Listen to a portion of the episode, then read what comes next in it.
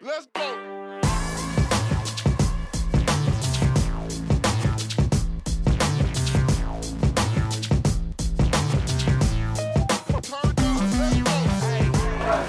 Komið sæl og velkomin í taktíkina. Ég heils ykkur hérna frá Hrafnagil í Eyjafærasveit. Hér fer fram hlæðslumótið í CrossFit og hérna erum við með allt frá áhugafólki upp í keppmyndur á heimsleikonum. Og hinga til minni settið er ymitt komið með eitt slíkan, Björgun Kall sem lendi í þriðja sæti á heimsleikonum í CrossFit. Velkomin Björgun. Takk fyrir það. Þetta er svolítið munur eða ekki að vera komin frá heimsleikonum stærsta sviðinu Hrafnagil í Eyjafærasveit. Jú, þetta er, þetta er mikill munur og, en það sem er svolítið skemmtilegt við þetta er að þú veist, svona byrja þetta samt sko. Og þú veist, mér finnst bara gaman að sína smá lit og að þú veist, þú ert aldrei á góðu fyrir neitt sko.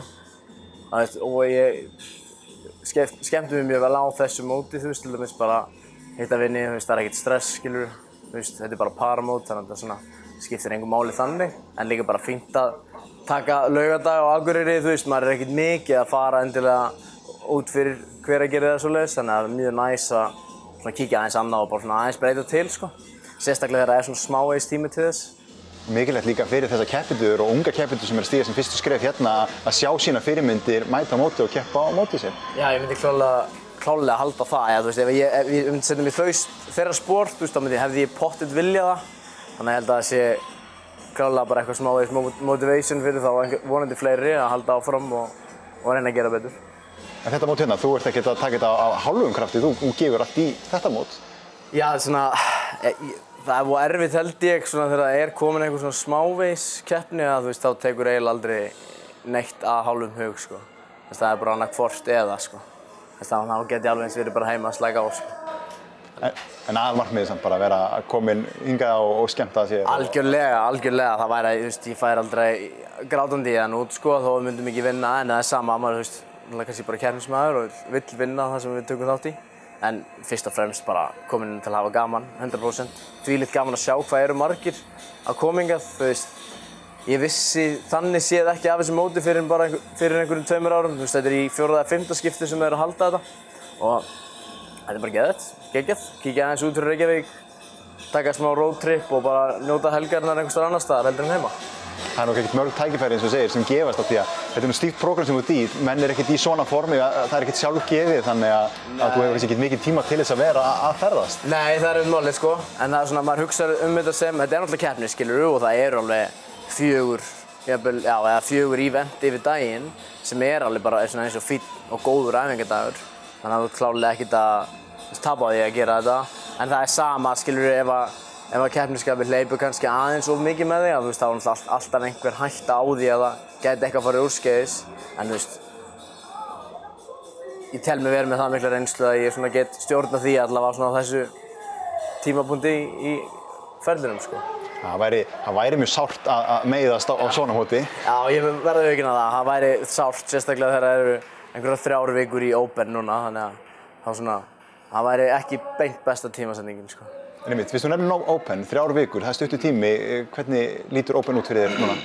Þetta er svona, þetta er náttúrulega svolítið skrítið núna í ára því þetta er fyrst skipti sem við erum að halda, eða sem Open er í november, eða í rauninni oktober, klárast í november. Og það er því að vera að breyta aðeins hvernig sísónið er sett upp.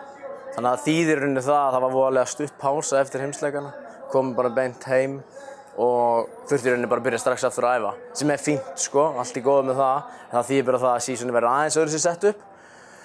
Og markmiðið það er náttúrulega bara að ná sér í miða á heimsleikana og taka síðan þátt í einni keppni sem verður í desember í Dubai og, og svo vonandi við getum að þá tekið svona janúar, februar, mars sem svona við getum kallað þetta svona uppbyggingar tímabili eða svoleiðis sem ætti í raunin að vera núna. Akkurat. En þetta breytir náttúrulega landslæðinu svolítið hjá þér og þínu, uh, þínu uppsetningum og þínum æfingum og því hvernig þú, þú píkar uh, yfir tímabilið. Já, já, klálega. Og þetta er náttúrulega ef eitthvað er þá svona lengir þetta tímabilið en það þýðir samt það að það er þarna option, einhvers staðar þarna í janúar, februar, mars til þess að slaka aðeins á. Og þetta hefur verið sett upp þannig að það var sagt open, uh, svo var regionals og svo var games. Þannig að það var rauninni open, þetta sem við köllum síðan svæðamót eða europamót í mínu tilfelli.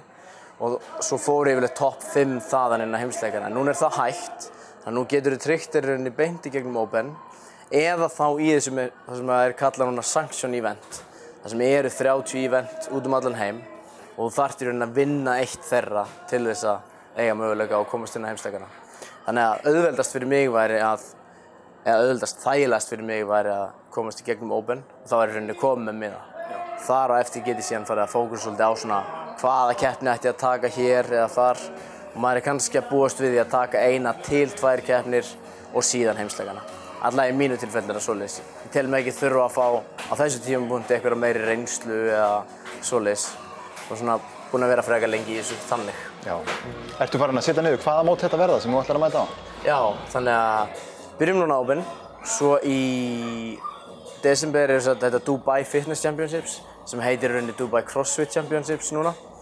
Uh, það er eitt af svona sterkustu mótum í heimi fyrir utan heimsleikana. Þannig að maður ma mætti eiginlega ræði þannig upp að þetta eru svona rauninni heimsleikarnir, þetta mót og svo er annað sem ég ætla að taka þátt í sem heitir Rogue og er svona mjög mikil eftirlíking af heimsleikunum. Og það er aðeins setna á tímabunni, ég man ekki alveg hvernig það er, einhvern veginn mæ, log mæ kannski.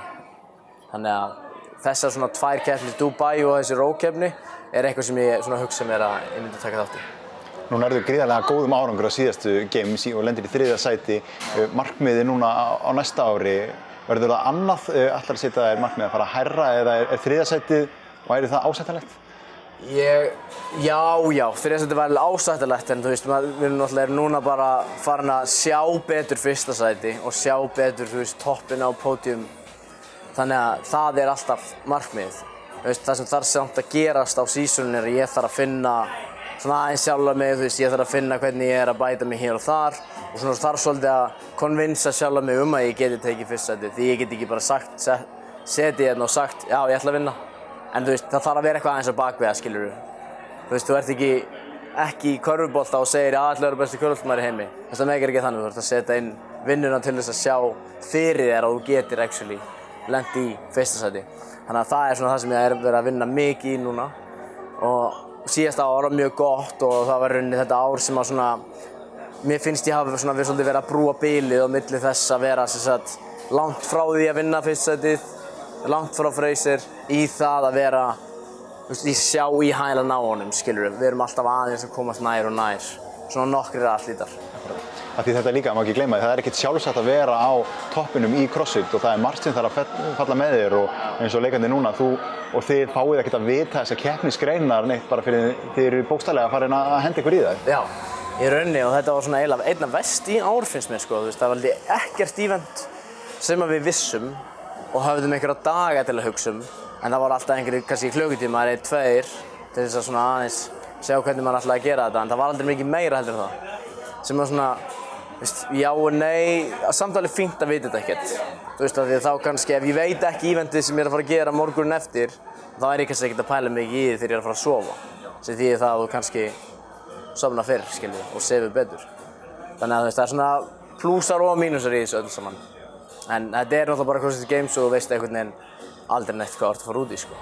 En það er partur af þessu og það er líka þessi niðurskurði sem er búið að gaggrina núna mjög mikið en, en hann er líka partur af þessu að þú þarft í raun að geta allt. Einmitt. Og veist, þetta er bara einn breytan, skilur, sem þeir koma alltaf með, veist, núna voru þeir bara með þannig að það var bara heavy cut sem að þýtti bara það að þú veist, þú þarfst að vera svolítið var um þig, sko. Þú veist, þú þarfst að komast í gegnum 75, þú þarfst að komast í gegnum 50 og svo 40 og 30. Það var svona pínlítið þannig sem maður hugsaði þetta fyrst, skilur, að þú veist, þetta eru cut, þú veist, nú bara hugsaði bara um þetta event að því ég ætla að komast í gegnum þetta cut. Svo tók bara næsta við og þá þurftu að komast í gegnum þetta cut. Og þú veist, það gengur náttúrulega aldrei neitt, aldrei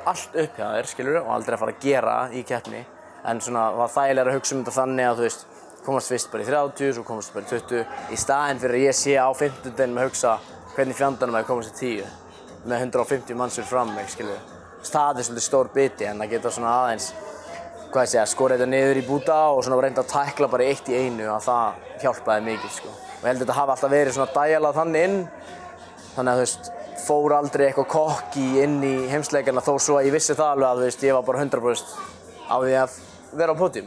En þá þarftu svona eitthvað plan til þess að komast þangað, samt sem aður. Akkurat. Þegar maður horfir á svo topp aðlýta sem er að keppa í crossfit, þá finnst manni þeir svona valla hafa veikleika að þetta eru alliða rosalega góðir íþróttamenn, en það er samt náttúrulega engin fullkominn, þannig að það er alltaf eitthvað sem maður getur verið að horfa í. Hvaða þættir eru þetta sem þú ert að horfa í það sem þú getur bætt þig?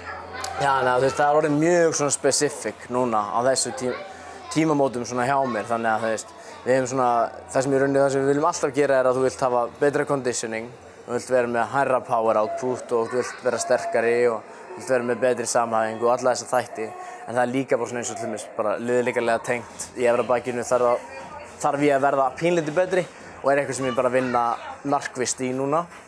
Uh, af því að það eru svona hlutir sem að verða kannski pínu erfiðir bara svona spesifík æfingar sem verða pínu erfiðar sem ég er alveg verið að testa og þarf að geta gert þær mjög svona með góðri skilvirkni skilur þannig að þú veist þá er þetta núna orðið bara svona þannig að við erum bara svona fínpúsa og það er rauninni bara það sem skilur á milli síðan þess, þess sem vinnur og, og það sem kemur í, í öðru set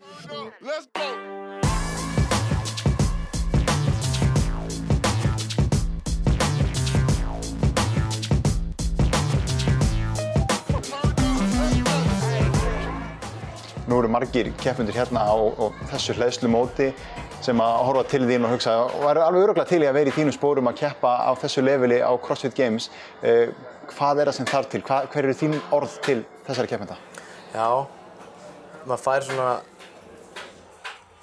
spurning oft sko, eða þú veist, mér finnst fólk segja oft sko, vá hvað ég væri til að vera að gera þetta, en þú veist, það er alveg aðeins meira heldur en bara að vakna og fá sér morgumat og mæta og veist, við erum alltaf að díla, þú ert alltaf að díla við einhvers konar, einhvers konar, hvað ég segja, meðsli, eða veist, það er alltaf eitthvað í gangi, veist, það er alltaf eitthvað sem þú þarfst að vera, þú veist, æfa í kringum og þú veist, maður þarf að vera bara svona mjög smart með það sem þú ert að gera.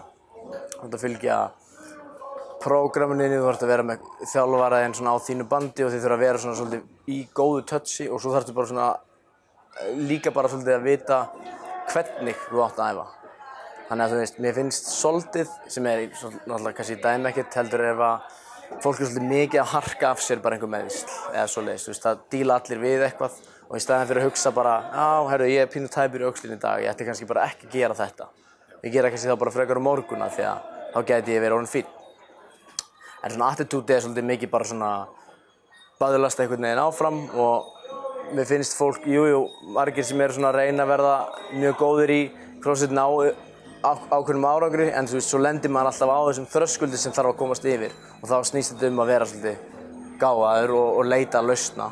Og þetta er bara að vinna 24 fjóra klukkutíma sólringsins sko. Alltaf árið í kringi í rauninni sko. Því að þetta svona er alltaf bak við eirað en það er líka bara því að mér finnst það gaman sko. Þannig að svo kemur það inn í að þú veist, þú þarfst að hafa helvíti gaman að því sem þú ert að gera og því má valla leiðast og ég gera það ekkert sko, mér leiðist aldrei og finnst þetta ennþá bara þvílitt gaman og get bara verið einn að þessu, þannig sé sko. Þarf ekki að vera með eitthvað í kringum mig sko. Þannig að svona, þú veist, það er margt sem þarf að gerast sko til þess að við koma, komast allavega núna á þetta games level eins og við kalla það.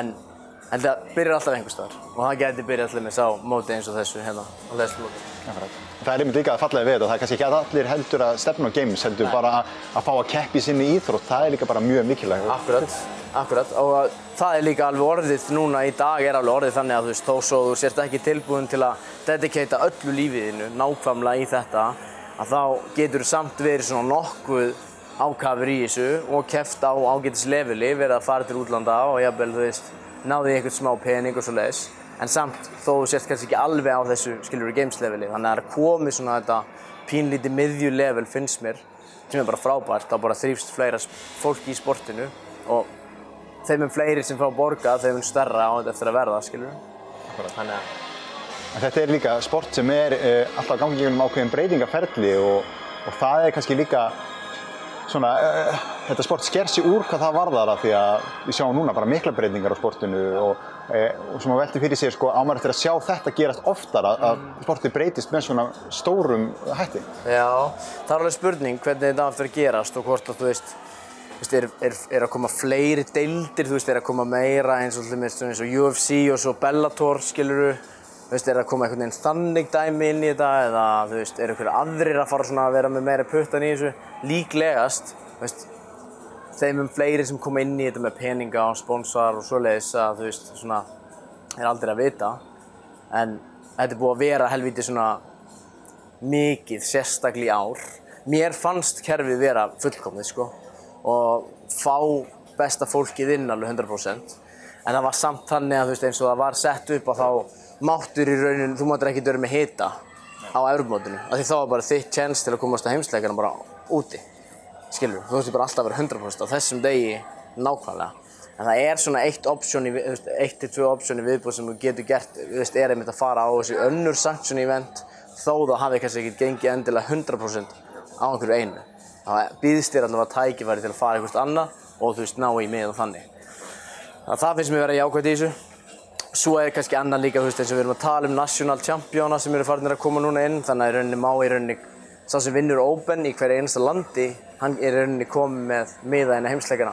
Svo spyr maður sig að því að það er fólk sem er búið að vera í sjö, jafnvel átta ár núna í þessu reyna endalust að komast inn á heimsleikana. Er svo nála því að komast lendir kannski í sjötta til tíundasæti á öðrum mótunu eða á þessum svæðamótum. Er ekki komast inn en sér síðan fólk sem að kannski nýbyrja sportinu en er að fara til að representa sitt land. Ég skil að það getur verið kannski svona pínu erfitt að kingja þig sko. Já. Sérstaklega því þú ert búinn að eyða svo miklum tími í þetta og þú ert orðinn það góður að þú getur rúlað upp 100 national championum en þú ert samt ekki að komast inn. Þannig að þetta er svona, þú veist, en já, einmitt. Það er svona, ég veit ekki alveg hvað ég segja um það meira en, en það getur verið kannski pínlítið erfitt að horfa upp á það kannski sko. En það er alveg svigrum hérna til þess að kannski fara að breyta einhverju svona til þess að koma kannski inn fleiri sterkari keppmyndur. Já, já, það er klálega. Svona eins og mér finnst með þessi event sem búið er að búa til að þú veist, þú getur unnið event og segjum að ef þú vinnur svo annað event þá er spottið, þá er annað sætið backfillað, skilur við. Þannig að það er alveg þannig að þeir eru að reyna að koma fittist á heimsleikana sko. En við munum alltaf vera með einmitt fólk sem er kannski aðeins læra level en þá þýðir það bara með kötti að það dettur út í raunin eftir einn eða, eða tvo íventa sko. Já. En fyrst við erum hérna núna, við erum á Hrafnagili, við erum í Eyjafjarðarsveit, við erum út á landsbyggðunum. Uh, þín tenging er rosalega sterk út á landsbyggðunar. Já, hún er það sko. Í föðurætt, uh, eða föður, öll föðurætti minn býr á Langanesi, Þórsöp og þar í kring. Og bjó í bóðar þangað til ég var þryggjára og þá flutust við til Stokkseyrar. Ég veit ekki af hverju við flutum þangað, það er alveg hinum einn og eins langt frá og við, við gátum mögulega farið. En, en það er gaman samt að eiga svona smá tengingu hingað og eða svona allavega aðeins lengra heldur en hér. Og það er alltaf, ég myndi held ég ekki sjá mig fyrir mér í Reykjavík sko. Nei, þú æfir í Hveragerði? Já, og ég bý í Hveragerði núna og flutum á Stokkseyri, svo er ég búinn að búa núna í Hveragerði síðan 2013 eða þegar við opnuðum hann stöðina og er búinn að vera að þjálfa þar. Já. En þannig að þú ert akkurat mjög gott dæmi fyrir þá keppindur sem er að æfa hérna á svæðinu að sína að þú getur komist á hæsta level í sama hvar þú býr. Já, klálega og þú veist, það, mér finnst þetta að vera til dæmis ennþá, mér finnst, ég er ábyggilega með, þú veist, þú getur pottet gert það hér með þess að líka, þú veist, ég er pottet með bestu aðstöðuna. Þess að því að ég er fyrsta lagi með mikið pláss fyrir sjálf mig, get verið að æfa einn og þú veist, með lítið af fólki í kringum mig. Uh, svo er ég með bara í göngufæri 50 metra keppnislaug og svo er ég með náttúruna bara, þú veist, bara út um hörðina sko. Þannig að æfingarlega séð og aðstöðulega séð þarf ég ekki neitt annað sko. En svo náttúrulega varandi hitan og það allt, þú veist, þá kemur það bara þegar við förum síðan út til, til bandaríkjana og þá gerum við það vennilega fjórum-fimm vikum fyrr, skilur við, bara til að venjast hitanum sko. Já. Þegar við gerum voða lítið í að fá betri hita hinga sko. Það gerist kannski setna. Nei, er einmitt að sjá þessa kosti sem þú hefur í þinni heimabyggð, eins og þú segir. Að... Þetta var pínuð skrítið sko, þú veist, að ég byrjaði náttúrulega í Reykjavík og þá þurfti maður svona, svolítið að, veist, skrúa því svolítið inn í það að, þú veist, nú ertu í Hveragerði, skilur. Það er ekki lengur að æfa með fólkinu sem var að æfa með þér og, þú veist, þá þurfti maður í rauninni bara að gera eins vel úr því oh my god. En svo eftir á að higgja þá er þetta helviti gott og ég get allavega ekki neitt kvarta sko. Hmm. Við horfum bara á þetta kemur tímabil, hvernig eru æfingarna settar upp fyrir því til þess að vinna í þessum litlu hlutu sem við vorum að tala um, þessum litlu hlutu sem það þarf að laga? Þannig að þú veist, núna er mikill fókus á það að vera í standi fyrir Open, sem er náttúrulega bara eftir þrjár vikur. En eins og til þessi hluti sem ég var að tala með mér, sem eru orðin svona það specific, er eitthvað sem ég þarf svona svolítið utan æfinga að vinni sjálfur. Og eitthvað sem ég implementa kannski ekki beint inn í sjálfar æfingarnar, heldur meira þú veist hvað ég ger í uppbytun og hvernig, hvað ég ger í cooldowni. En sjálfa æfingin frá þjálfvarunum er eitthvað sem hann byggir nákvæmlega upp og svo held ég aðeins áfram og reyna að finna svona aðeins út úr í hvað ég get gert, skilju. Svo í rauninni er breytist formið aðeins þegar þú fyrir að keppa á svona alþjóðlegu móti. Þú veist, þá eru yfirleitt þyngdirnar orðnar miklu meiri og þá þurfum við aðeins að fara að breyta í hvernig við æfum. Þú veist, æfingarna sem við gerum verða svona aðeins þyngri, lengri, svona aðeins öðruvísi heldur en þessar svona qualifier æfingar eins og maður kallar þær. Þær þurfa að vera svona svolítið ágætlega léttar, hraðar og svona auðvelt að dæma og svoleiðis. Því að venjulega þegar þú gerir qualifier á þannig, að þá tekur þú upp vídeo á allt sem þú gerir og þú þarfst að fá bara, þú þarfst að fá staðfestingu og sá sem er að dæma þarf að vera búið með, með hérna, dómarapróf og svoleiðis sko. Þannig að æfingin þarf að vera svona svolítið einföld en svo þegar við förum að æfa fyrir svona þessar keppnir sem eru úti, þú veist, eins og í Dubai og svoleiðis, að þá getum við farið að svona fara í aðeins svona þingri æfingar um mitt, aðeins lengri og aðeins flóknari, þannig séð sko. Svo bara í, einmitt, vonandi, þetta er náttúrulega við erum að testa þetta í fyrsta skipti núna, svo náttúrulega bara vonandi í janúar, februar, mars að þá svona verður upp svona aðeins meira uppbyggingar tímabil og svo reynum við að fara að píka fyrir heimstækana. En finnur aldrei fyrir því að þið vanti einhvers konar aðstöðu uh, fyrir þá utan uh, hitan úti uh, á, í hverjargeri?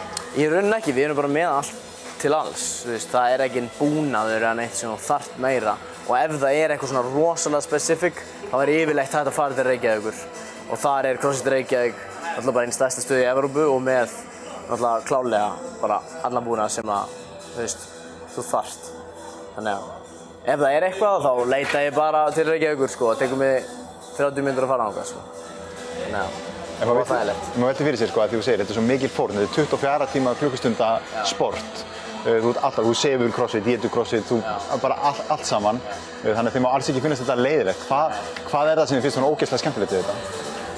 Það er rauninni bara, þú veist, þegar þú, þú, þú kemur niður í gym, þú þá er einhvern veginn eins og þú getur sett allt til hliðar, allt annað, skilur, allt sem er að gerast í lífinu, skilur, og þú veist, það er mikið einn, þannig að mjög þannig að þægild, þú hugsa bara með sjálfur um eitthvað, bara æfinguna, það er enginn að fara að trubla þig neitt, þú getur verið frekur á tíman sem þú ert að taka, skilur, til þess að klára hana. Uh, og svo er það bara eftir á, eftir á tilfinningin þegar þú ert búinn með æfinguna. Að það er svona það sem það er í rauninni, það sem þú vilt alltaf finna eftir æfinguna og hafi tekið virkilega vel á því. Það er einhver tilfinning sem ég fæ bara alltaf, skilur, og verði aldrei þreyttur á. Og ég held að sé svona svolítið mikið það bara, sko. Og svo er ég bara mjög aktífur og alltaf þurft að losa miklu orku og þetta er helviti góð leið til þess, sko. Frábært. Björg, tíminn er frá okkur. Takk kærlega fyrir komuna. Við viljum sjá þig á Kærlega palli fyrir á að næstu hafa. Takk kærlega.